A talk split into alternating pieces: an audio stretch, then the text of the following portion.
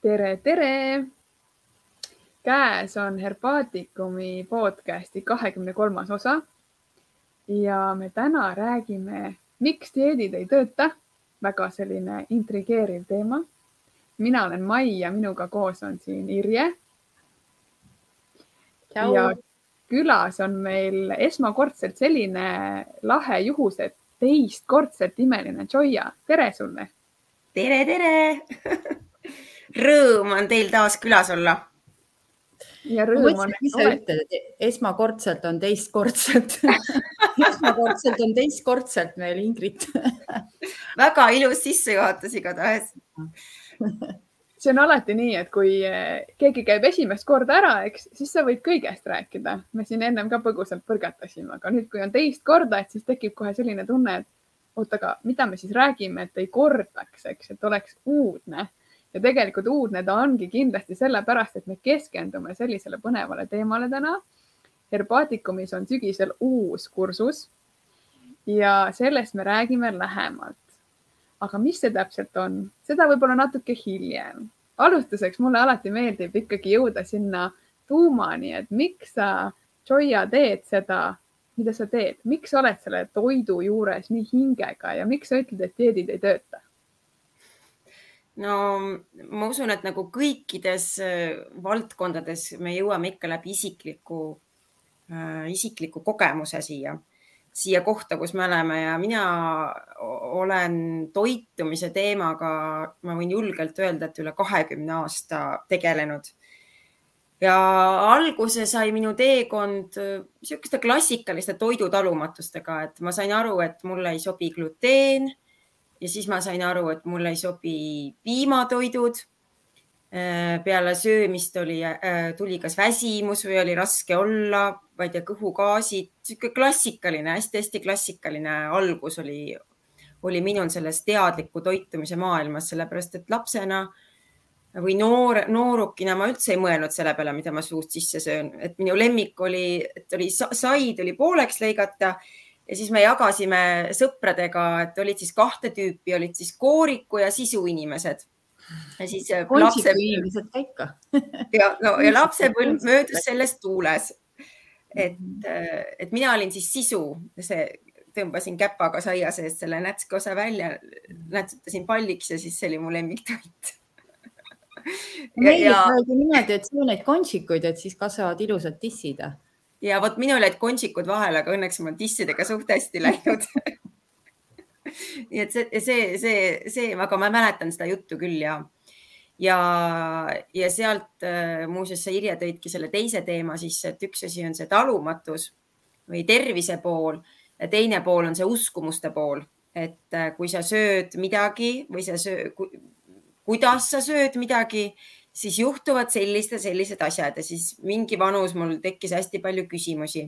ma mäletan, et selle saiaga oli kõige rohkem mind ärritas see, äh, see uskumus, kus mul nagu tekkis, et kust tulevad üldse toitumisega seotud uskumused, on see, äh, kui ma kuskil äh, onude või ma ei tea, tädide juures küla peal kuulsin sellist asja, et, et saia ei tohi tagurpidi ehk siis Äh, kaare poole pätsi peale ei tohi laua peale panna, siis läheb naine majas litsiks. ja siis, kui ma seda kuulsin, siis ma mõtlesin, et no ta sain, no väiksena ma mõtlesin, et okei okay,, et see on imelik. ja siis ma mingis vanuses hakkasin analüüsima, et oot-oot-oot, et kuidagi nii palju tuli juba neid toitumisega seotud mingisuguseid ütlemisi või lauseid. Et, äh, et ma hakkasin juba mõtlema, et huvitav, et mis kodeering või kustkohast need tulevad üldse, et kas need emad ja isad ja, ja vanemad, vanaisad, kas nad üldse teavad ka, mis nad räägivad oma lastele või lastelastele, kui nad sihukest juttu ajavad, et kui sa seda teed, siis juhtub selline asi, on ju. Mm -hmm. et, et. mina tean et ka, mina näiteks tean, et leivapuru ei tohi laua pealt käega ära pühkida, sest muidu tuleb vaesus majja no,. käega, käega ei tohi pühkida ja siis, et äh, mustad äh, toidunõud ei tohi kindlasti kraanikausis olla, sest muidu tuleb jälle vaesus majja ja sellepärast ma oma sõbranna, sõbranna ütles, et tema tütar nüüd alati peseb nõud ära, et enne oli kogu aeg probleem, et nõud seisid kraanikausis, aga nüüd on kogu aeg kraanikaus puhas no just, justkui töötab, aga mis on see kodeering, mis sa siis läbi mille see töötab?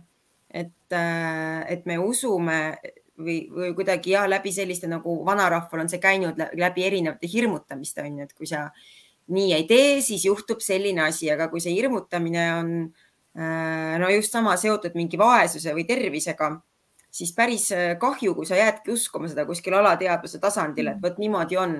või siis me hakkame intuitiivselt käituma niimoodi, et me ei saa aru ka, et meil vot selline kood kuskil taustaks jookseb, et kui sa nüüd toiduga niisugust asja teed, siis juhtub selline asi, sa küll täiskasvanuna saad aru, et okei okay,, et noh, et see on lihtsalt mingi vanarahva tarkus.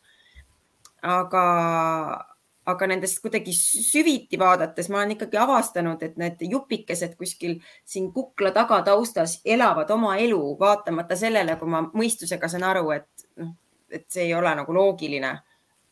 et, et vot see on, see on selline hilisemas faasis lisandunud, lisandunud niisugune nüanss, et äh, miks me kuidagi ja kuidas me tähistame oma elus mingisuguseid asju ja, ja kuidas me kaasame toitu äh,, manipuleerime läbi toidu väikeste lastega eriti, et kui sa hea laps oled, siis sa saad seda.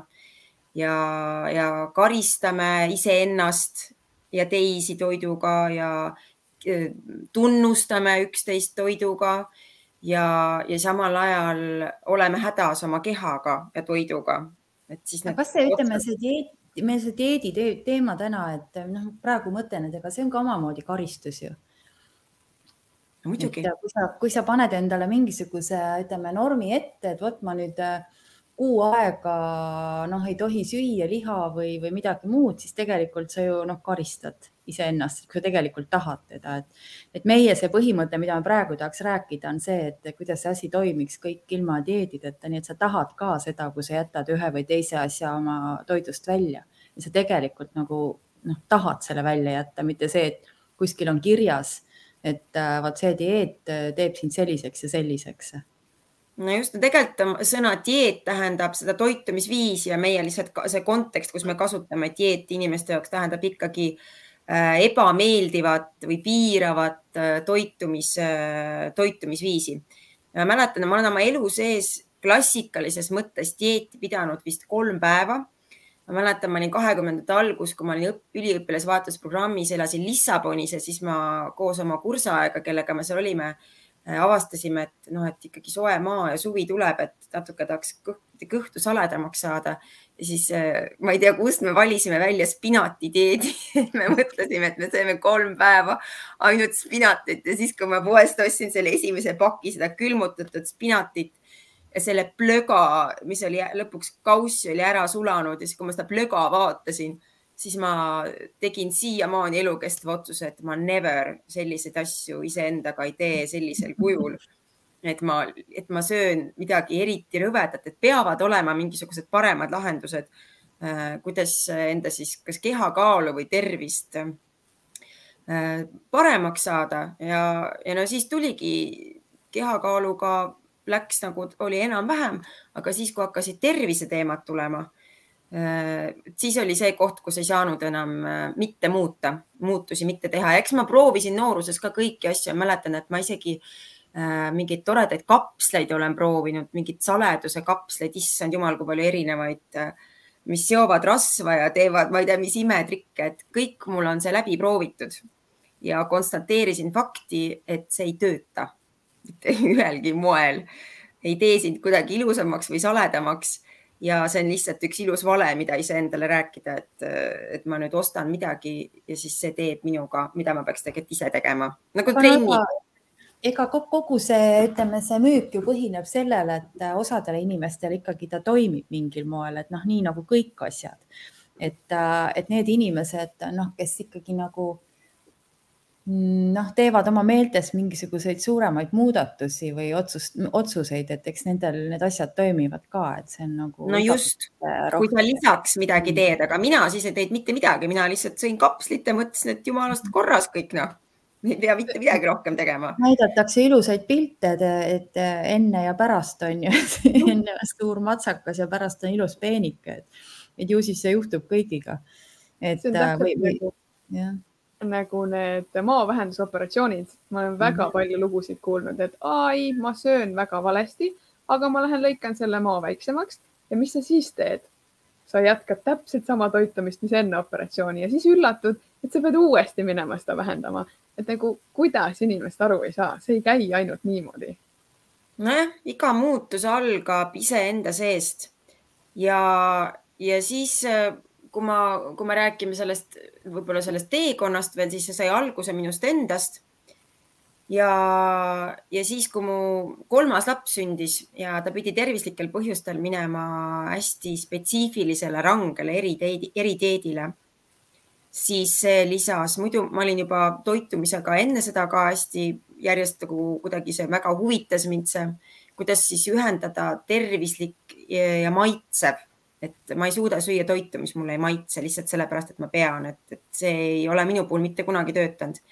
ja siis minu poeg viis mind eriti intensiivselt sellele teele, et kuidas üldse, kuidas leida asendusi mingitele asjadele, mida sa ei tohi süüa ja, ja kuidas siis ikkagi süüa nii, et on hea. ja, ja kuidas mängida nende piiridega, kuidas, kui palju keha millegiga kohaneb ja see on hästi niisugune intensiivne õppimise teekond olnud, nii et, äh, et ma ei, ma ei teagi, kui vabatahtlikult või teadlikult ma olen seda ise valinud, see lihtsalt on juhtunud niimoodi, et ma olen pidanud sellega tegelema ja endale väga palju asju selgeks tegema. ma olen õppinud nii toitumisnõustajaks, erinevaid kursusi, kõiki asju, et seda kild killu haaval seda pilti enda jaoks kokku panna, et mis ja kuidas siis nagu töötab. ja, ja ja praeguses kohas ma juba tunnen, et mul on üht koma teist, mida jagada ka, et kogemust on piisavalt palju. mis töötab siis? mis töötab, kui ma sulle ütleksin ühe lause, siis äh, kui me räägime siin äh, dieetidest, siis, siis ikkagi enamus inimese jaoks dieet seestub kehakaaluga. kuigi minu jaoks on see üks, üks aspekt ainult siis minul on niisugune lause, mida ma hästi palju igal pool jagan ja kasutan, on see, et kergus tuleb läbi kerguse. ehk siis, kui sa tahad saada kergemaks, füüsilises mõttes kaotada kaalu, see ei saa tulla läbi raskuse, et sa pingutad, hambad ristis, noh, kannatad ja siis räägid kehale, et see, mis ma teen, et ma saan hästi kergeks läbi kannatuse, et see ei, absoluutselt ei tööta niimoodi. et see noh, mingis ajaperspektiivis võib-olla tõesti kuu, kaks, kolm aga, aga nüüd, kui me võtame aastate perspektiivis, siis see ei, see ei toimi. kaua sa jõuad ennast piitsutada? no vot, see ongi, et kaua sa jõuad kannatada. et no, et ega elu ei ole ju kannatamiseks loodud, aga kuidas siis teha niimoodi, et inimene ikkagi nagu läheks läbi mõistmise sellele teele, et ta jätaks selle, mis noh, ta tegelikult tema mitte ainult kehale, aga ka hingele ju koormaks on, et ta nagu läbi mõistuse ja läbi tunnetuse aru saaks et, äh, et, et see ei ole noh, et või, või, või näiteks seda, et tema eelistused või valikud äh, ei tee tema, tema, tema kehale ja hingele head, et kuidas nagu läheneda siis läbi selle, et inimene nagu teeks seda hea meelega, mitte, mitte sellepärast, et oma keha kannatama panna. seal on hästi siukseid erinevaid äh nagu leiereid või kiht-kihi kaupa oma vastuvõttudel ka inimesed, kes tulevad oma tervise ja toidu teemaga, siis ma alati ka räägin neile, et, et äh, kõigepealt proovin aru saada, et kui palju sa tahad seda üldse, mida sa tahad, et kas sa lihtsalt tahad olla sale või sa oled või sa oled valmis selle nimel omal mingisugust mõttemustrit muutma.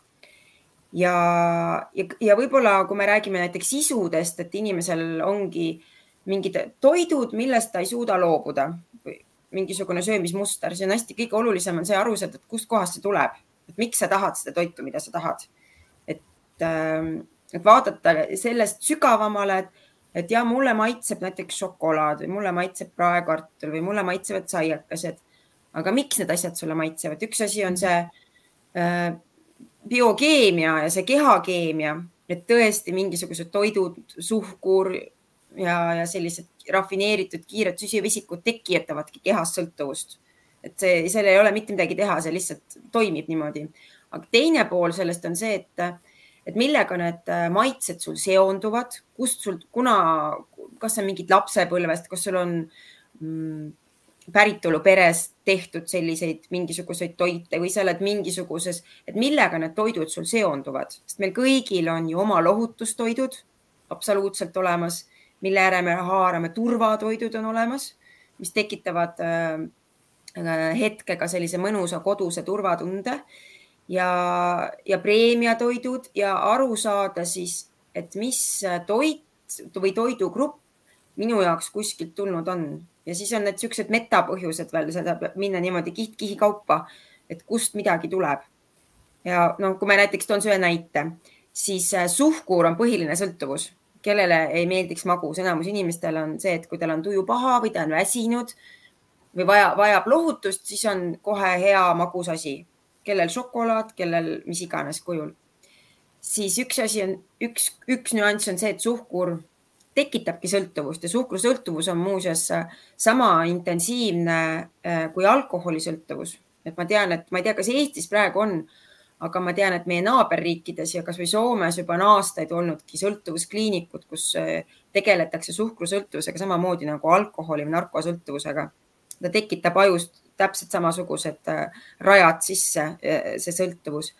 aga teine pool on siis see emotsionaalne pool või see tunne ja suhkruga, kuigi beebi esimene toit on rinnapiim ja rinnapiim on hästi magus. Ja kui, ja kui inimene sünnib siia maailma või tegelikult ka loomalaps, ei ole ainult inimestel, siis, äh, siis tal on üks maitsemeel olemas kohe ja see on suhkur ehk magusameel. kõiki teisi maitseid me peame õppima äh, läbi katsetamise kogema ja läbi kogemuste vastu võtma hapu, mõru, vürtsikas, mis iganes, kõigega tuleb harjuda, välja arvatud magusega. ehk siis see on meie kodeering selleks, et me jääksime ellu. et laps võtaks äh, rinnapiima, siis on tehtud see magusaks ja lapsele on antud kaasa magusameel. ehk siis, kui sa sööd magusat äh,, siis, siis see ühendus ajus, mis tekib, on turvatunne ähm,. ehk siis piltlikult öeldes see tunne, kus beebi on ema süles ja tissi otsas, see turvaline, soe, hoitud, mõnus, soe, magus piim voolab suhu.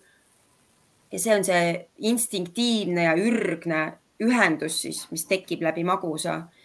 ja kui nendest teadlikuks saada, et kuidas, mis, mis isu mul kuskilt tuleb ja miks ta minul just sealt kohast tuleb, siis on sellega palju lihtsam toimetada, mitte öelda lihtsalt, ah, mina ei saa sellest jagu, ma olen proovinud ja ma olen proovinud siis jõuga, panen käed selja taha ja ma ei anna sulle magusat. aga kui siit see koht aru ei saa, kust see isu tuleb, siis hästi raske on jõuga, et noh, kaua sa hoiad käsi selja taga, on ju aga no ütleme, see kunstmagus, et no ütleme, paljud lapsed ei saagi ju rinnapiima, et nad saavad kohe selle mingisuguse kunstmaguse. et noh, kuidas siis lapsele selgeks teed, et, et, et see ei ole sulle tegelikult noh, sinu ajule ja, ja närvisüsteemile hea, et, et vanem võib ju aru saada, aga kas laps ka on võimeline ümber õppima seda? No kunstmagusaga selles mõttes tal suuresti ei ole vahet, et kui sa ikkagi võtad selle beebi sülle ja annad talle ka seda piimaasendajat, mis on magus, siis beebil tekib sama seos, et see -hmm. magus ja mõnus ja turvaline, et seos tekib sama, on analoogne. Aga ta just aga nagu no, kompenseerib laste... siis ikkagi, ta tahab, et ütleme, kui laps veel hilisemas eas ka ihaleb seda magusat, ta ikkagi tunneb puudust selle, selle turvatunde ja selle lähedusest. ema läheduse ja just. selle, selle vastu, et, et ta seal rinna küljes ja süles ja, ja kiigutatud ja, ja kõigutatud ja ma olen seda magusa, magusa, eks seal on ka nüansse, aga ma, ma näiteks oma laste puhul küll äh, olen tähele pannud, et üks laps, kes mul on äh, keskmine laps on mul hästi selline, no kõik lapsed on mul mingis vanuses magusat tahtnud, kes rohkem, kes vähem. Ja siis temaga ma tegin selliseid katseid, et kui tal tuli magusa isu peale ja ma näen, et tal jälle silmad kilavad ja tal on ilge, tal on kindlasti kohe kiiresti hästi palju magusat vaja, siis ma tegingi siukseid asju, et võtsin ta sülle Äh, või kaisutasin teda, hakkasin temaga mingeid nusserdasin, silitasin, musitasin, tegin siukseid müramise mänge mingi kümme minutit, olin tema päralt, laadisin tal akut täiesti täis, mis tal mm -hmm. tähelepanu vaja oli. Ja kui me olime ära müranud, siis tal ei olnud üldse meeles enam, et tal magusaisu oli. ta läks, tegi oma tegemisi edasi, ehk siis ta sai selle, mida ta, ta küsis ta sai tegelikult selle, mida ta tegelikult küsis, on ju, et mida tema hing tahtis või ütleme, see noh, alateadvus tahtis mm. -hmm. ja see, see ei tähenda, et me ei peaks üldse magusat sööma või et magus on kuidagimoodi kurjast. ega mina ka ei tea, mis see, mis see tasakaal on. Et kui palju võib või kui palju ei või ja ikka võib. lihtsalt äh, märgata ja olla teadlik ja, ja samal ajal see rafineeritud toit, kõik need makaronid, pitsad, kartulid, äh, kõik sellised saiakesed äh, käituvad kehas samamoodi nagu suhkur. et see, see protsess on täpselt sarnane suhkru söömisele ja seal on see kala maetud hästi palju, mis terviseprobleeme saab sealt alguse, et mitte me ei söö ainult magusat, vaid me sööme hästi töödeldud toitu mis, mis ei ole absoluutselt kehale ei meeldi mitte ühestki otsast ja see mõjutab aju. hästi palju uuringuid on tehtud, kuidas äh, lapsed, kes esimestel eluaastatel või ütleme enne kooli minekut söövad hästi rafineeritud toitu, just niisugust laste lemmiktoitu, sai, komm. nii nagu makar... restorani menüüs on, eks ole. võtad selle laste menüü lahti ja siis sa põhimõtteliselt nagu hoiad peast kinni, vot püha jumma. just nii on. kuritegevus vangi panevad restorani omanikud ma olen seda palju mõelnud ja, ja noh, lihtsalt nii on, aga, aga, aga need uuringud näitavadki, et see mõjutab äh, mõttekiirust ja mõtteteravust. Ja, ja see on otseselt, et see ajuhägu, see, et ei suuda keskenduda ja ühe tegevuse juures väga kaua olla, et see on hästi palju toiduga seotud mm. -hmm. et äh, midagi teha ei ole me rääkisime, kuidas lapsi saab siis nagu nii-öelda mõjutada või suunata õigele suunale. aga kui nüüd täiskasvanud inimene näiteks vaatab praegu või kuulab järgi ja tema mõtleb, okei okay,, ma tahaksin nüüd ka ennast ümber harjutada, saada aru, kust see magusa või soolase nii-öelda isu tekib. kas ta saab sealt kursuselt siis mingisuguse praktilise nii-öelda tööriista pagasi, kuidas seda lahti arutada või, või kuidas, kuidas üldse plaanis on tegeleda selliste isudega? ja millest see üldse siis, millest me räägime seal? no väga palju saab, et ma väga paljuski äh, selle kursusel nagu seal ka seal kirjelduses on, olen, on nagu erinevad teemad, ehk siis olen juppideks selle võtnud äh,. Need isud, talumatused, nii räägime nii äh, lihtsast asjast nagu süsivesikud, valgud, rasvad, niisugune klassikaline, sellest klassikalistes osas me räägime ikkagi suhteliselt vähe. seda infot on päris palju, et kuidas, mida süüa. mina pigem kipun kummutama neid äh, selliseid piire ja norme, et ma natukene äh, olen mässaja selle koha peal, et mulle ei meeldi, kui on väga palju piire ja norme, et on väga hea, kui on teadmised, kuidas mingi asi minu kehas toimetab Äh, ja siis anda vabadus inimesele, ehk siis äh, mida me seal kursusel teeme. Äh, me ei ole seda kursuse nime ka vist öelnud veel välja, on ju? jah. teadlik toitumine ja toitumise alkeemia ehk siis võtamegi selle teadliku osa juppideks lahti. kuidas märgata iseenda isusid, me teeme hästi lahedaid praktikaid, saame testida iseenda peal. kuidas, et Eh, ja õppida vaatlema, kuidas ma söön ja märkama, eh, kuidas mingisugused tegevused või emotsioonid käivad meil toiduga kaasas ja me ei pane seda üldse tähele lihtsalt niisama igapäevases elus. Et näiteks ma sellises situatsioonis kipun sööma selliseid asju, on olemas ju, me teame, et on mingid pohmakaisud ja, ja siis on olemas armuvaluisud ja siis on äh, olen solvunud ja kuri isud, kui niimoodi laias laastus, et kuidas ma siis käitun mingisuguses meeleseisundis. ja vot sellest teada saamine on täiesti elu muutev, et, äh, et ma hakkan märkama ja kui ma märkan ja oskan panna tähele, et vot siin ma teen selliseid asju, siis mul tekib valik, see ei tähenda, et ma ei võiks Äh, südamevalus äh, vaadata kurba filmi ja süüa ära liiter jäätist. aga ma saan aru, et ma teen seda, mitte ma pärast söön ära ja mõtlen, on halb olla, aga miks ma seda tegin? ma küll ei tea, miks ma tegin seda, ma lihtsalt tegin. tavaliselt mõeldakse, et mul on olla, ei tea millest. jah. isegi ei tule selle peale sellest jäätisest. jah, ja see on ja, ja veel üks, üks selline teadmiste kogum, mida ma hästi rõõmuga jagan, mis on minu elu väga-väga palju muutnud, on see, et mis iganes talumatus sul on, mina olen tulnud sellest gluteeni ja kaseini talumatusest ja kõike on võimalik äh, siis tervendada ja ümber programmeerida, see ei tähenda, et see jääb elu lõpuni. Ja me, me kõik oleme kindlasti kuulnud äh, seda lauset, et sa oled see, mis sa sööd. siis mina olen seda enda jaoks täiendanud ja muutnud rakurssi ja ütlen, et sa oled see, mida sa arvad toidust olevat, mis sa arvad, et toit on, ehk siis see, kuidas ma oma alateaduses mõtlen millestki, et ma sain aru näiteks, et mingi kell, et ma ei saa süüa saia või gluteeni. Ja siis mul tekibki see programm, et ma nüüd kunagi ei tohi. ja seda programmi on võimalik ja ma võib-olla üldse mingi aeg ei söönud üldse, hoidsin ennast sellest kõrval, lasin kehal taastuda, puhastuda ja siis ja siis mingi kell, kui ma olin juba aastaid-aastaid sellest täiesti eemal olnud, mõtlesin, et aga miks ma piitsutan ennast, et ma lähen kuskile, ma ei tea, restorani või külla ja ma ei saa ühtegi ampsu süüa, ühtegi saia, et mulle ei sobi see, ma tahan ka saia süüa, mulle täiega sai maitseb. Ja siis ma hakkasin katsetama ja mängima, et kuidasmoodi ma siis saan selle tagasi enda menüüsse ja seal on mingeid toidulisandeid, asju, mida saab kasutada.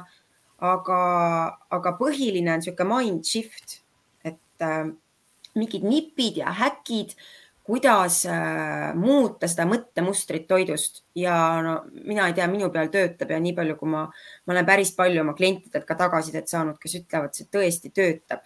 Sa... põhimõte on ju see, et vaata, keha peab hakkama saama sellega, mis sa sööd. muidugi keha peab hakkama saama. kõige tähtsam ja, ja, ja no, minu arust nagu üks tähtis aspekt selle juures on veel see, et, et et noh, et miks nagu me räägime sellest, et inimesed tahavad, kas siis noh, tavaliselt siis nad tahavad kõhnemaks on ju saada. et äh, miks nad tahavad kõhnemaks saada, et kas see on nende endi soov või on see kellegi teise soov, et noh, et keegi teine soovib, et nad oleksid äh, teistsugused, et see ka kindlasti nagu hästi palju mõjutab seda, et et, et ma teen, ma, ma piitsutan oma keha sellepärast, et kellelegi teisele meeldib, et ma selline olen seal on mitmekordne selline sõltuvus veel, eks ju, kõigepealt on sul sõltuvus, on sul nagu probleem sellega, et sa iseennast ei väärtusta, see võib-olla see, et noh, võib-olla ma meeldin endale, võib-olla mul on väga hea, ma söön neid saiasi, mul on ülihea olla. Et probleem tekib ju siis, kui mul on paha, et kui ma mhm. tunnen ennast kehvasti, pea ei tööta, pea valutab, aga kui mul on hea olla, siis no keda see häirib, et ma söön neid saiakesi, keha saab ilusti hakkama, ma olen rõõm, rõõmus ja lilleline ja elan edasi. Aga probleem tekibki siis, kui mul on paha olla, mulle ei meeldi see. no muidugi, seal on hästi palju, seal on hästi palju kihtasid, on ju, mina räägin ka sellest, et see tõehetk, mida see toit sinuga teeb, on siis äh, alates pool tundi, tund aega, järgmine päev. Et seal on see tõehetk, et mida su keha siis tõsiselt, äh, ma mäletan, ma olen omal õudusega olen mingist üheksateist, kakskümmend sealt vanusest olen mingeid fotosid vaadanud mis on tehtud hommikusel või päevasel ajal, kus mul on silmad täiesti paistes ja ma ei saanud aru, mis asi see on, ma vaatan pilte tagantjärgi, mõtlen, jeerum küll, et, et mis asi, kuni ma lõpuks sain aru ja olen oma kehalt ka saanud, et gluteen teeb minuga niisugust asja, et kui ma õhtul söön palju gluteeni ja mu keha ei saa hakkama sellega ja gluteeni võib ka erineval kujul, siis ma hommikul ärkan üles, siis ma olen nagu mõmmikaru silmad. et ei ole niisugune, noh, jälle keha ütleb, et mida ja kuidas teha aga võib-olla üks häkk, mida ma siin, siin saan jagada, niisugune maitseks, äh, mis, äh, mis on, no ta on võib-olla niisugune natukene edasijõudnutele, et seda häkki ei saa üle ekspluateerida, ehk siis sa ei saa seda kasutada iga päev kolm korda päevas. on siis see, kui ma söön midagi ära, mingi toidu ma, ma, ma näiteks toon vastlakukli näidise, sest minu puhul vastlakukkel sümboliseerib kahte äh, komb, kombinatsiooni, kumbagi ma ei saa süüa justkui. üks on siis vahukoor ja teine on siis kukkelsai. ja mis iganes toit see on, et kui ma söön toidu ära, siis, äh, siis mis on see tunne, et kui ma olen selle toidu söömise lõpetanud no näiteks viisteist minutit peale toidu söömist, mis on see mõte, mida ma mõtlen seoses selle toiduga või mis on see tunne? kas see on see tunne, et aa, issand, kui hea see oli, mulle nii maitses see, mida ma sõin ja see on nii hea, et ma seda sõin. Või siis on see väga tihti selliste toitude puhul on see süütunne, et sööd ära, hästi hea on, siis läheb viisteist mintsa mööda, siis mõtled, pikk äkki küll, mis asja ma tegin, ma sõin oh,, ma sõin terve tahvli šokolaadi ära, appi.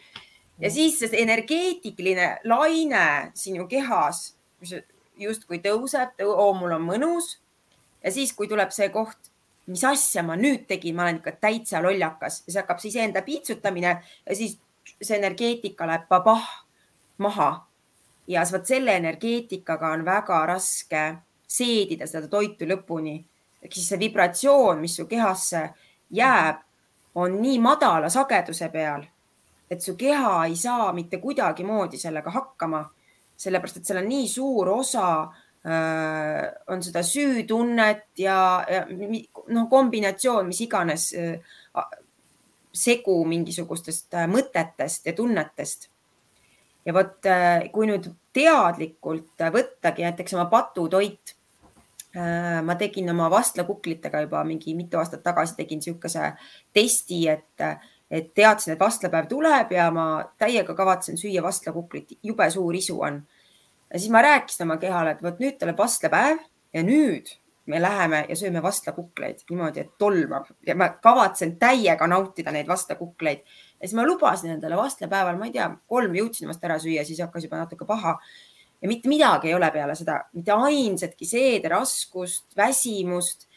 sellepärast, et peale seda söömist on jätkuvalt rõõmutunne. et nii hea, ma täiega nautisin praegu seda ja ma ei saa seda teha kolm korda päevas, et iga, iga päev räägin, et oo, nüüd see vastlakukkel on mulle hea. ehk siis see meeleseisund, mis sul on enne ja peale söömist, kui seda teadlikult timmida, siis võib endale lubada mingisuguseid asju või siis mul tuleb näiteks meelde üks lugu ühelt vastuvõtult, kus ema käis minu juures vastuvõtul ja tal oli väike laps hästi tugevate allergiate ja terviseprobleemidega väga-väga tõsisel ja väga rangel dieedil oli laps ja ema oli hästi õnnetu, otsis leevendust sellele. Ta ise oli arusaadavatel põhjustel, ta ise oli hästi noh, hästi rangelt jälgis ja tema jaoks kogu see toit oligi ainult käskude ja keeldude maailm siis ta rääkis ühe loo, et kuidas ta laps oli salaja äh, saanud kätte paki komme ja need kuskil nurga taga ära söönud. pisikene laps. ema sai sellest äh, alles järgmine päev teada ja tavaliselt tal ühele kommile järgneb hästi tugev allergiline reaktsioon, et keha, terve keha läheb kärna ja põletikku mm. -hmm. ta sai ära paki komme ja tema sümptomid järgmine päev olid paranenud ehk siis lapse enesetunne oli parem Mm -hmm. mille pärast, sellepärast et laps sõi ära paki, paki komme, väike laps, kaheaastane ja tal ei olnud mingit süütunnet, tal oli jumalast hea olla, tal oli jumala hea tuju, nii täiesti limpsis keelt, kõik oli tore ja mhm. ema ei saanud teada ehk ema ei läinud endast välja ja ema ei hakanud pahandama, et ema ei tekitanud stressi, eks ole. just ja, ja, ja laps hakkas justkui paranema mingitest mm -hmm. sümptomitest ehk siis ja kui ta selle näite tõi, siis ma tõin talle nagu selle teise poole, et aga vaata seda kodeeringut seal taga, siis ta ise avastas ka üllatusega, et vau, et ma ei ole tõesti mitte kunagi mõelnud selle peale niimoodi, kui oluline osa on sellel mõttel kõige selle juures. ehk siis ma ise juba ütlen lapsele ja ma tean, kuna ma ise oma lapsele iga päev pean ütlema, et sa ei tohi mingeid asju süüa ja siis ma igapäevaselt otsin kogu aeg neid lahendusi, et kuidas see tasakaal leida siis selle vahel, et ei tohi ja tohib ja mis on hea ja mis on halb ja siis õppida kuulama oma keha selle juures, et see on noh, ühtpidi on see lõputu õppimine, teistpidi sellel teekonnal on ikka hästi palju taipamisi ka tulnud. Selle loogika järgi ju tegelikult äh, söögipalve ei olegi üldse halb mõte, mida ju. absoluutselt mitte. just et võiks ju ka lihtsalt enda jaoks kasvõi mõttes ollagi tänulik ennem kui sa sööma hakkad, ükskõik mida ja oma kehale ja, ja tunnetada oma keha. Äh, kui me nüüd kehast räägime ja söömisest, siis äh, võib-olla üks liigutus, mis on, mis on hästi informatiivne, on see, et panna omal käsi kõhu peale ja, ja üldse see suhe kõhuga, et kui palju seal, ma ei tea, kas mul on ikkagi piisavalt si sile või sale kõht, kas ta on piisavalt punnis või eh, paljudel naistel ikkagi, no meestel ka eh, on selle kõhuga teema, et see ei ole võib-olla päris ideaalvormis. ja hakata seda ühendust looma, et kui mul isegi on ebameeldiv panna oma kätt omale näiteks kõhu peale, sest mulle ei meeldi see tunne, mida ma tunnen, mingi volt teeb näiteks kohe ma siin praegu räägin teiega, katsun kõhtu. Ja siis kohe esimesena jäi, jäi näppu vahele üks volt. mul on mingi volt siin, mis, mis volt see on? et kuidas ma siis tunnen ennast selle, kuidas ma tunnen ennast oma keha ja oma kõhuga? Ja, ja ühendus oma kehaga ja oma kõhuga enne seda, kui ma juba söön, kui mul on hea tunne, hoida kätt kõhu peal, kas enne sööki, söögi ajal või peale sööki, isegi kui mul see kõht on punnis, hästi täis söödud. Äh, kui mul see tunne on hea, siis kehal on kergem jällegi seda toitu seedida ja aga vaata, need on kõik sellised, ütleme nüansid, et okei okay,, et ma luban endale selle kilo jäätist või, või, või selle hunniku vahukoore kukreid, aga see ei ole ju niisugune igapäevane asi, et ma nüüd nagu iga päev ajangi, noh, kas see toimib ka niimoodi, et ma iga päev söön põhimõtteliselt niisugust toitu, mis, mis nagu teoorias ei, ei ole mu kehale hea, aga tunnen ennast hästi, et kas, kas see nagu on ka võimalik, et noh, et inimesel ongi niisugune kuidagi eneseteadvus või, või niisugune tunne on hea seda, seda rämpstoitu näiteks süües ja ei tekigi probleeme. mina tean näiteks ühte inimest, kes elu, noh, aastaid sõi ainult riisi, mitte midagi muud, ainult riisi, paljast riisi ja oli terve nagu purikas, ei mingeid probleeme, terve, lõbus sai hakkama. et, et, et kas, kas see nagu on üldse siis probleem, et me sööme rämpstoitu vahest, mitte vahest, vaid inimesed, kes söövadki nagu ütleme järjepidevalt? See, see on probleem, kui sa küsisid, kas see on võimalik, siis mina usun, et jaa, see on võimalik, see on täiesti võimalik, kui ma hästi teadlikult äh,, inimeste seedimised on erinevad, et meie siin eestlastena ja näiteks hiinlased, meie kehad on väga erinevad, meie seede, ensüümide pakett kehas on hästi erinev. ehk siis äh, noh, minule näiteks riis ei sobi väga, et kui ma väga palju riisi söön, siis äh, mul ei ole üldse hea olla, et mul tuleb hästi väsimus ja ma ei suuda selle tärklise kogusega hakkama saada. et kui sa mhm. leiad, kui, kui, kui sa kuidagi suudad, äh, sinu keha teeb sinuga sellisel kujul, kujul koostööd, et sa võidki süüa näiteks ainult, ma ei tea, riisi või kartulit või midagi sellist, siis ma usun, et kõik on võimalik küsimus on, miks, äh, miks sa seda, no kui sa nüüd küsid seda sellest kohast, et, et ma söön rämpstoitu, mis on hästi ebatervislik ja ma tahan mõelda selle enda jaoks hästi heaks, siis see on, see on ilmselt see trikikoht, et äh, mis kohast sa seda asja teed. kui sa lihtsalt tahad oma keha ära petta, keha ei arva, et see hea on, aga sa siit arvad, et see hea on mm, -hmm. siis on see väga keeruline. ma isiklik kogemus selle koha pealt puudub, et mm -hmm. kuidas neid asju siis igapäevaselt valetada endale heaks aga, aga. no inimene, kes ei tea sellest mitte midagi või näiteks tegelikult öeldakse, et mida targemaks saad, seda raskem elada on, on ju.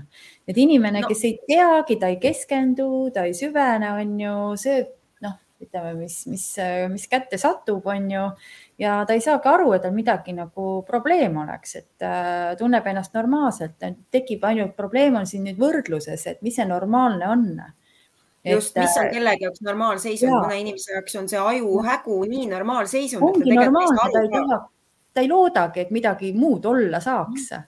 et, et, et seal on, me võrdleme nagu siis nende inimestega, kellel võib-olla noh, ütleme, see mõtlemine on selge ja enesetunne on hea, väsimustunnet ei ole, see on normaalne, et meil ikkagi nagu tekib see noh, mingis võrdluses aga, aga inimene, kes eluaeg niimoodi elab, ta ei saagi aru, et tal ju midagi nagu häda oleks, et ongi normaalne see hägune, väsinud olek, niisugune, et peale toitu tahan magama minna, nii et noh, tema jaoks ongi see normaalsus.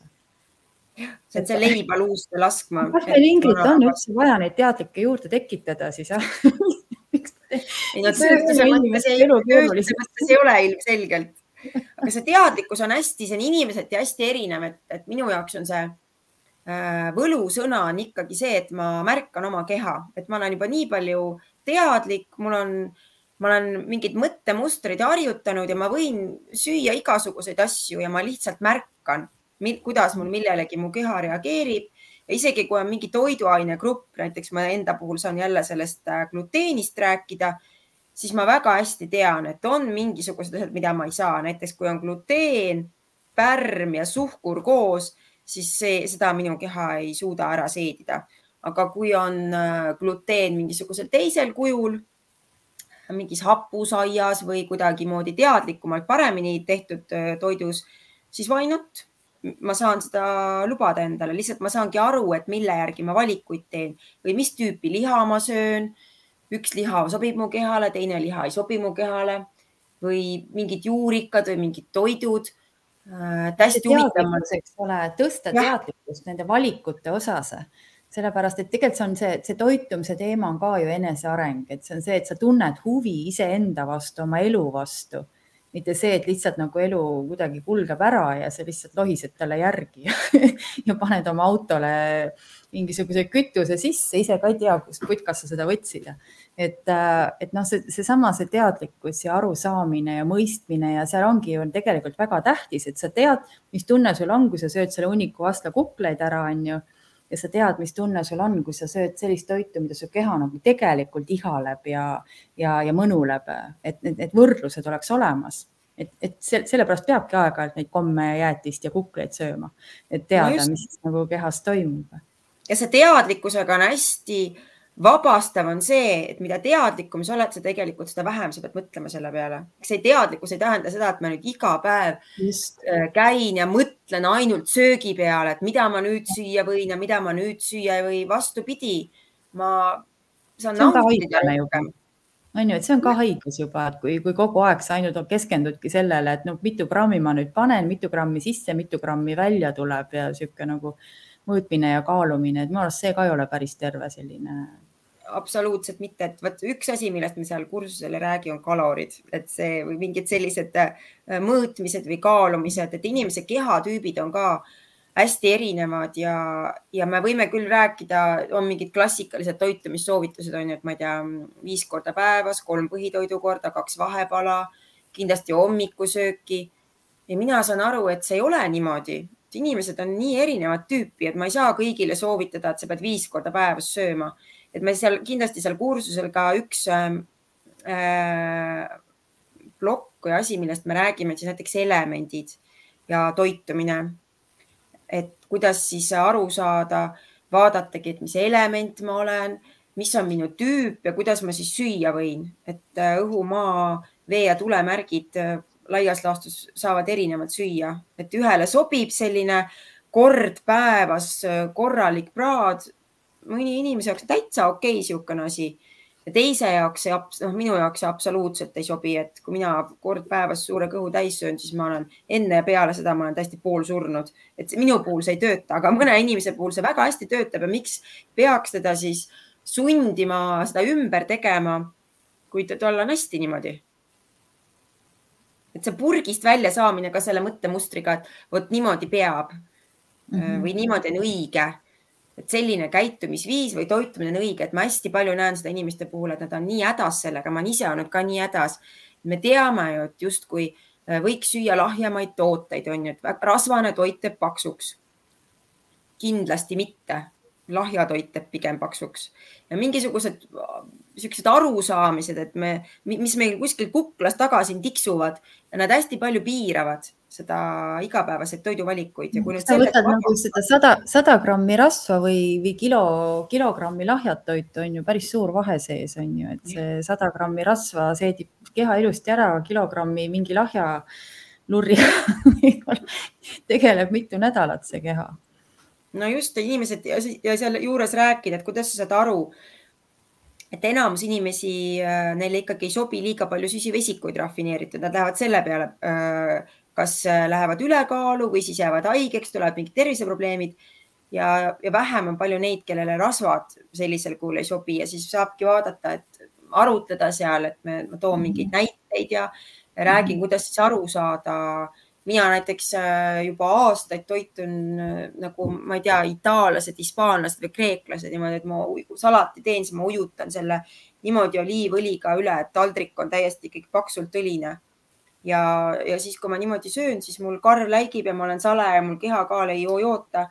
Ja nii kui ma ei söö seda õli, siis mul nahk hakkab sügelema ja kuivama ja, ja, ja kõik keha annab tunda ja no aju on tehtud rasvast meil ju et mhm. äh, no ja kõik siuksed. Need on ikkagi, vaata nüüd me teeme rasval ja rasval vahet ka, et, see ei ole nüüd see rasv, mida seal fritüüris kuskil fritüüritakse. just, et sellest ma ka kiiresti räägin. just, et teha sellel vahet ja üldse kuidagi vabastada, ühtpidi ma nagu räägin sellest oma taipamistest ja teadmistest, mida ja kuidas süüa ja hästi suur niisugune mingi niisugune eesmärk mul on ikkagi vabastada inimestest nendest äh, arusaamadest, mis piiravad, kuidagi leida see tasakaal ja kui sa mänguliselt toituma hakkad, et ma proovin ja nagu väike laps katsetan, mängin, siis on see lõbus. see on täitsa tehtav, et okei okay,, ma võin ju katsetada ja proovida, kuidas mulle üks või teine asi sobib ja siis on võimalik need muutused püsivalt teha enda mhm. jaoks. ja siis ei ja, ole enam suundus. Ja seal kursusel ju tegelikult äh, on plaanis ju valmis ka teha üht-teist, eks ole. Ja me kindlasti kokkame ka koos ja, ja mängime, mängime toiduga sõna otseses mõttes igatpidi. no vanarahvas ju hoiatab, et toiduga ei tohi mängida, kuidas siis niimoodi, jälle üks uskumus. Toiduga tulebki mängida, näiteks prantslastel ongi, ma tean isegi Eestis äh, lasteaedades võeti niisugust programmi kasutusele, kus siis äh, jagatakse selliseid prantsuse emade lastekasvatuse põhimõtteid ehk siis tuleb mängida toiduga, kus lastele antakse siis äh, katsuda erinevaid toite ja tekstuure ja köögiviljasid ja nendega mängida ja igasuguseid asju teha, mis muidu on täiesti lubamatud olnud, et, et see toitu, et toit olekski nagu mäng sõna otseses mõttes ja me teeme ka seal seda lihtsalt, äh, ma ei tea, kas me nüüd päris liimima ja kleepima brookolit kuskile hakkame, aga, aga teeme selle söömise tunduvalt ähm, lõbusamaks võib-olla, kui ta igapäevaselt on olnud mm. -hmm. sul siit äh, kõlas läbi alguses äh, see šokolaad ja magus ja kõik see pool, eks. aga kui nüüd võtaks mingisuguse lihtsa retsepti, kes nüüd tahakski lihtsalt katsetada, et vähem magusat, eks, millega ta saaks asendada seda või mis oleks hästi lihtne asi, mis ma tean, et tänapäeva inimesele meeldivad lihtsad asjad, eks sotsiaalmeedia seda kõvasti toetab, et ei ajaks kohe keeruliseks, aga midagi mõnest komponendist, mida saab kodus mm. hästi teha. Need kallid, kallid musid olid seal üks asendaja on ju. üks asi, üks asi on kallid musid, ma nii mäletan, kui ma käisin selles äh, kallid kalorid äh, selle saates äh, käisin äh, kaalulangetajatega rääkimas ülekaalust ja siis oli üks mees, ma ei mäleta, mis ta nimi oli tema probleem oli siis, et ta kogu aeg käib külmkapi vahet õhtuti. et mm -hmm. siis, kui ma hakkasin küsima, kirjelda mulle siis palun seda olustikku, et istuvad siis õhtul naisega diivani ees ja, ja, ja üks istub ühes kohas, teine istub võib-olla natukene eemal ja siis on see nii-öelda kahekesi aeg justkui peaks olema, aga mõlemad vaatavad televiisorit. kahekesi vaatavad telekat on ju. kahekesi vaatavad telekat ja ma nüüd täpselt ei mäleta, lihtsalt see lugu tõi seal alguses edasi, ma nüüd jutustan, ma ei ütle, et temal see täpselt nii oli. ja, ja see on väga paljude inimeste lugu on see ja siis istutakse, aga üks istub ühes diivani otsas, teine istub teises diivani otsas ja siis mõlemad käivad külmkapi vahet, kellel on õlu või mingi tšips või šokolaad. ja siis, kui ma hakkasin küsima tema käest, et äh, aga mis sa siis tõsiselt tahad, kui sa nüüd tõesti mõtled, et mis on see, mida sa, kui sul on see õhtune aeg oma naisega, mida sa kõige rohkem tahad kas sa tahad, et äh, ma ei tea, teda kaisutada või puudutada või pai teha või et ta võtaks sind, poeks sulle kaisu või? muidugi, muidugi tahaksin. ja kui sul naine oleks kaisus, kuidagi ajaksite juttu või oleksite üksteisega füüsiliselt kontaktis, kas sa siis käiksid iga natukese aja tagant külmkapi ääres? ei no miks ma siis käima umbes peaksin, ehk siis ta, ta sai ise kohe aru sellest, et miks ta mhm. seda teeb ehk siis vaatad, kui sul on see magusaisu, mul ei ole niisugust retsepti, ma võin sulle mingit mitu perspektiivi anda. esiteks vaata, mis olukorras sul tekib see magusaisu. kui sul ikkagi tekib see väga tihti, mina näiteks endal vaatan ka, et, et mingi isud tekivad niisugusel õhtusel ajal, kui justkui töö on tehtud, söök on söödud. pingelanguse ajal. ja, ja siis ja. on see aeg iseendale ja kui ma nüüd ei täida seda aega niimoodi, nagu ma tahan, vaid ma ei viitsi midagi teha, kas ma ei viitsi trenni minna või ma ei viitsi oma partneriga koos olla või lastega, samal ajal hing ihkab niisugust lähedust, mingit intiimsust, kontakti, ükskõik kellega. hing ihkab kontakti, mis on hinge jaoks. ja ma seda ei saa ja siis tuleb magusaisu, siis on väga raske öelda, et võta kommi asemel näiteks, ma ei tea, ploom, sest see ploom ei, absoluutselt ei vähenda seda sinu isu. Äh, vaid, äh, vaid lihtsalt jääb kuidagi luupima sellesse. number üks, vaata, mis hetkel sul tekib see või sul näiteks töö juures päeval automaatselt kogu aeg mingi komm või küpsis läheb suhu. siis, äh, siis noh, või siis kombineerida näiteks väga hästi aitab, kui kombineerida magust ja magusat tähendab ja soolast ja erinevaid maitseid omavahel kokku. näiteks selline häkk, et kui sa teed endale õhtusööki ja seal on mingid köögiviljasid või salatit või mida isegi ei pruugi olla, siis teed seda prantsuse kastet endale siis prantsuse kaste, kastme koostisosad on oliivõli Äh, natukene sinepit, hea on hästi see Dinjoni sinep, mis on siis nende terakestega, aga võib mis iganes sinep. natuke mett ja siis balsaamiku kastet ja segad kõik need omavahel kokku. ja seal on siis äh, ja kui tahad, siis võid natukene soola ka panna, aga iseenesest see sinep juba annab niisugust mõnusat soolast ka. ja siis on seal olemas kõik e-, e-, erinevad komponendid. rasvane, magus, soolane, vürtsikas ja kõik maitsemeeled saavad midagi ja kui sa nüüd seda sööd koos oma põhitoidu korraga, siis sa oled kõik korraga saanud. justkui sööd natukene magusat juba, aga ei ole see, et ma, ma söön nüüd täiesti, sööngi ainult mingit kapsast või olen jube tervislik. ma olen vaadanud, et kui ma väga tervislikult palju söön, nüüd väga proovin vaadata, et oo üldse siis äh, magusat või midagi ei taha, siis mul nätake kiuste pärast tuleb mingi magusaisu ehk siis kehal jäi millestki puudu ja ma nüüd ei räägi siin mingitest paastudest, kus tõesti hoiadki magusast teadlikult eemal mingi aeg. näiteks midagi sellist proovida, et vaadata siis, kuidas, kuidas keha reageerib, et, et kui pärast on ikka veel magusaisu, siis küsida endalt, millest mul veel puudust jäi.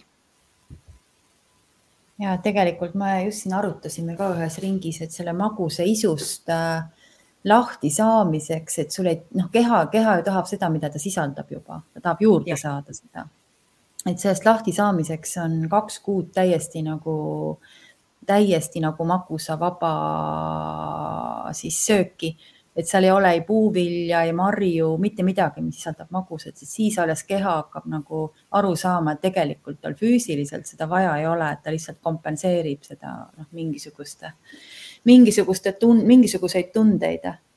ja, ja vaata, taldrikutäie magedat taldrikutäie magedat toitu, noh, üldse ei maitsesta toitu, on ju, siis kui palju me suudame seda ära süüa mm. -hmm. et võtame suure poti liha, kui palju me sealt võtame ja paneme siis kõrvale selle vürtsitatud, maitsestatud toidu, on ju, palju me seda sööme. kõrvetatud ka natuke, võib-olla grillitud, on ju. aga siia võib, siia võib-olla on hea tuua natuke teist nurka ka, et minul on äh, sporditaust ja kui sa oled ikkagi sporditausta nagu kogenud ja, ja nagu teinud seda aastaid mm, -hmm. siis sa võid süüa ka seda maitsestamata toitu, siis sa saad nagu aru, et sa pead seda sööma, sest su kehal on seda vaja. minul tõesti ja. on ka nii, et mul ei ole vahet, kas see toit on nüüd midagi väga maitsvat, see on muidugi alati boonus, aga kui ta on ka maitsestamata ja ma tean, et on kasulik, siis ma söön ta ikka ära ja mu keha on ikkagi rahul, sest nagu see mindset on aastatega lihtsalt tammutud sinna, et sa pead seda sööma mm, -hmm. su kehal on seda vaja sul on see muster. aga see on tulnud see harjutamisega, see mm, just nagu ütlesid, et see on aastatega harjutatud muster mm.. et see on ja samal ajal see maitsete eelistus räägib ka väga palju temperamendist, mis tüüpi. Äh, sellest me ka räägime, seal räägime nendest metamaitsete, maitse-eelistuste metapõhjustest. et näiteks inimesed, kellele meeldivad soolane või rasvane või vürtsikas toit, mis on Äh, mis on need emotsioonid võib-olla seal taustal, mis tüüpi sa rohkem oled, sest mina näiteks olen soolase ja vürtsika inimene. kuigi viimasel ajal seesama asi, et sa ole, tahad seda, mida sa sisaldad, siis ma vahepeal sõin rohkem, tekkis järsku niisugune magusaisu, et natukene lubasin endale magusat, siis panin tähele, kuidas paari nädalaga juba keha mõnusasti kohanes ära ja hakkas küsima minu käest magusat, mida mul ei ole ammu juhtunud. et jälle märkasin, et kui kiiresti need muutused keha mm. kõigi asjadega kaasa läheb ja kui ise ei teadvusta, siis lähebki rappa, kuni lõpuks avastadki, et iga päev söön mingit jama, mis pole üldse vajalik ja siis räägin endale juttu, et, et ah, ma ei tea või vahet ei ole või kõik on hästi või noh, mis iganes on ju. et, äh, et sellest ka räägime, et kui sul on mingid isud, siis üks asi on metapõhjused, teine, teine asi on see, et isud väljendavad ka võib-olla mingeid muid vajadusi, mineraalide või noh, mis iganes, näiteks rasedatel tulevad ka hästi kummalised isud ju. et, äh, et seal on üks osa on see, mida keha küsib, kes sööb kriiti või ma ei tea, mis iganes asju või mulda. et, äh, et miks, miks see siis niimoodi on? Mhm. et mida see tähendab, siis proovime natuke lahti kodeerida neid ähm, isusid ka ja talumatusi samamoodi. minu, minu arust nagu üks asi, mida inimesed endale ei teadvusta või aru ei saa, et mis on ka söömisega seotud, on see, noh, üks asi on see, et ma jään haigeks, on ju, et mu keha füüsiliselt haigeks, aga teine asi on see, et mul lihtsalt nagu tuju ei ole, et kogu aeg on niisugune nagu niisugune niisugune kas kuri või vihane või niisugune tossis või mossis olek, et, et see võib ju vabalt täiesti olla no ka toiduga seotud ja ongi ju selle kütusega seotud, on ju. Väga palju. mis näoga sa ringi sõidad, et paljud inimesed ei teadvusta, et ka seesama, see tossis-mossis, loss, lössis olek, väsinud olek, et ka see on ju tihtipeale toiduga seotud. ja, sest väga palju just näiteks selle low carb ehk maga, madalate süsivesikute sisaldusega erinevad toitumised, kes siis võtavad omal teadlikult süsivesikuid menüüst maha, siis seal number üks äh, muutus, mida siis äh, enam-vähem kõik inimesed ütlevad, on see, et seesama aju, ajuhägu kaob ära ja järsku tuleb tohutult energiat, et võib-olla muidu ei saagi aru, et sul oli see, tundub, et kõik on täiesti norm-, täitsa okei okay ja siis järsku avastad, et vau, et nii võib ka olla. kui sa oled eluaeg elanud pilve silmaga on ja sa ei tea, mis asi päike on. ja just, just. et lihtsalt teadlikult saada nendest asjadest, see on nii äge ja ei pea hulluks minema, see on minu põhisõnum, et ei pea minema hulluks mm. -hmm. see on väga hea juba sihuke kokkuvõttev noot. me oleme siin juba tunnikese hoogsalt selgitanud nüüd võib-olla siia lõppu sobiks hästi nüüd küsida, et kuidas siis saab kirja panna ja palju veel üldse ruumi on, kas kursus on täis ja räägime siin juba järgmise sügise kursusest või veel saab registreerida? Ja et see aasta üldse kuidagi kooliga niimoodi, et kursused on hästi kiiresti täitunud, et muidu tavaliselt augustis hakkame registreerima, praegu on grupid täis, inimesed on ootejärjekorras, aga toidukursus on meil täitsa uus ja sinna täiesti saab veel registreerida. Aga, aga seda ma ütlen küll ette, et, et väga palju inimesi ei saa võtta, sellepärast et see ei ole selline suure auditooriumi kursus ja meil on väga mõnusad kihvtid ruumid see aasta. Äh, Telliskivis siis jah Tallinna linnaga väga, on ju, eks ole, helge stuudioruumid, väga mõnusad tubased, ei taha neid väga nagu palju üle rahvastada, aga niisugune mõnus lahe seltskond, arutada äh, proovida, katsetada, tagasisidet anda, eks ole, üksteist nagu kuidagi utsitada, et, et, et on just paras nagu, paras nagu selline mõnus grupp, et ei taha väga suureks ajada, nii et, et kes, keda huvitab see teema, et siis kodulehel on registreerimisvorm, et pange, pange ennast aga kirja, et, et äh, ma olen kuulnud juba, et kõik ootavad huviga. ja ma lõpetuseks ütleks ütleks siia veel sellise märksõna, et äh, kuigi see kursus on toitumisest ja me räägime seal toitumisest, siis, äh, siis minu jaoks äh, selline sügavam eesmärk või miks ma seda teen, on see, et üldse laiemas plaanis iseendast teadlikumaks saada ja oma tunnetest. nii et see ei ole ainult toitumine, vaid toit on üks osa, läbi mille elada ja nautida aga, aga need praktikad, mida me teeme seal ja millest me räägime, laienevad igasse muusse valdkonda, suhetest kuni tööni välja, et see on hästi äh, põnev, ma usun, saab olema. Rakendada neid asju ja vaadata, iseendast teadlikumaks saada.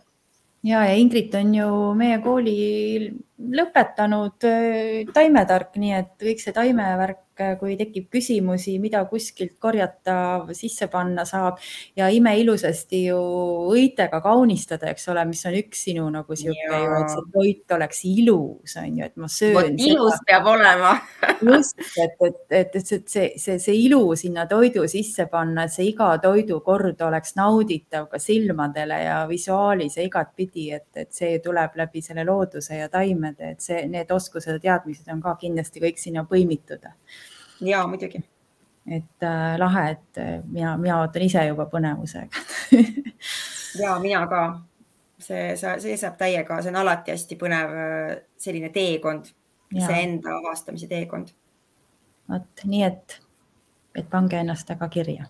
nii et ruttu kodulehele registreerima ja võib järgi kuulata, kes meid poole pealt kuulama tuli või Spotify'st kuulata, saab kogu nii-öelda tunniajase vestluse kõik üksipulgi lahti võtta, siin sai juba nippe jagatud.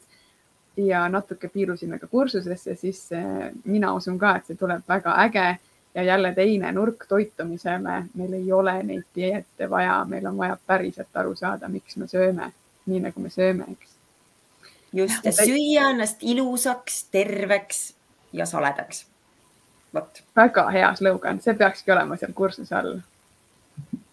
aga aitäh sulle, Ingrid, et sa tulid jagama, aitäh sulle, Irje aitäh sulle, armas kuulaja-vaataja ja mõnusat suve jätku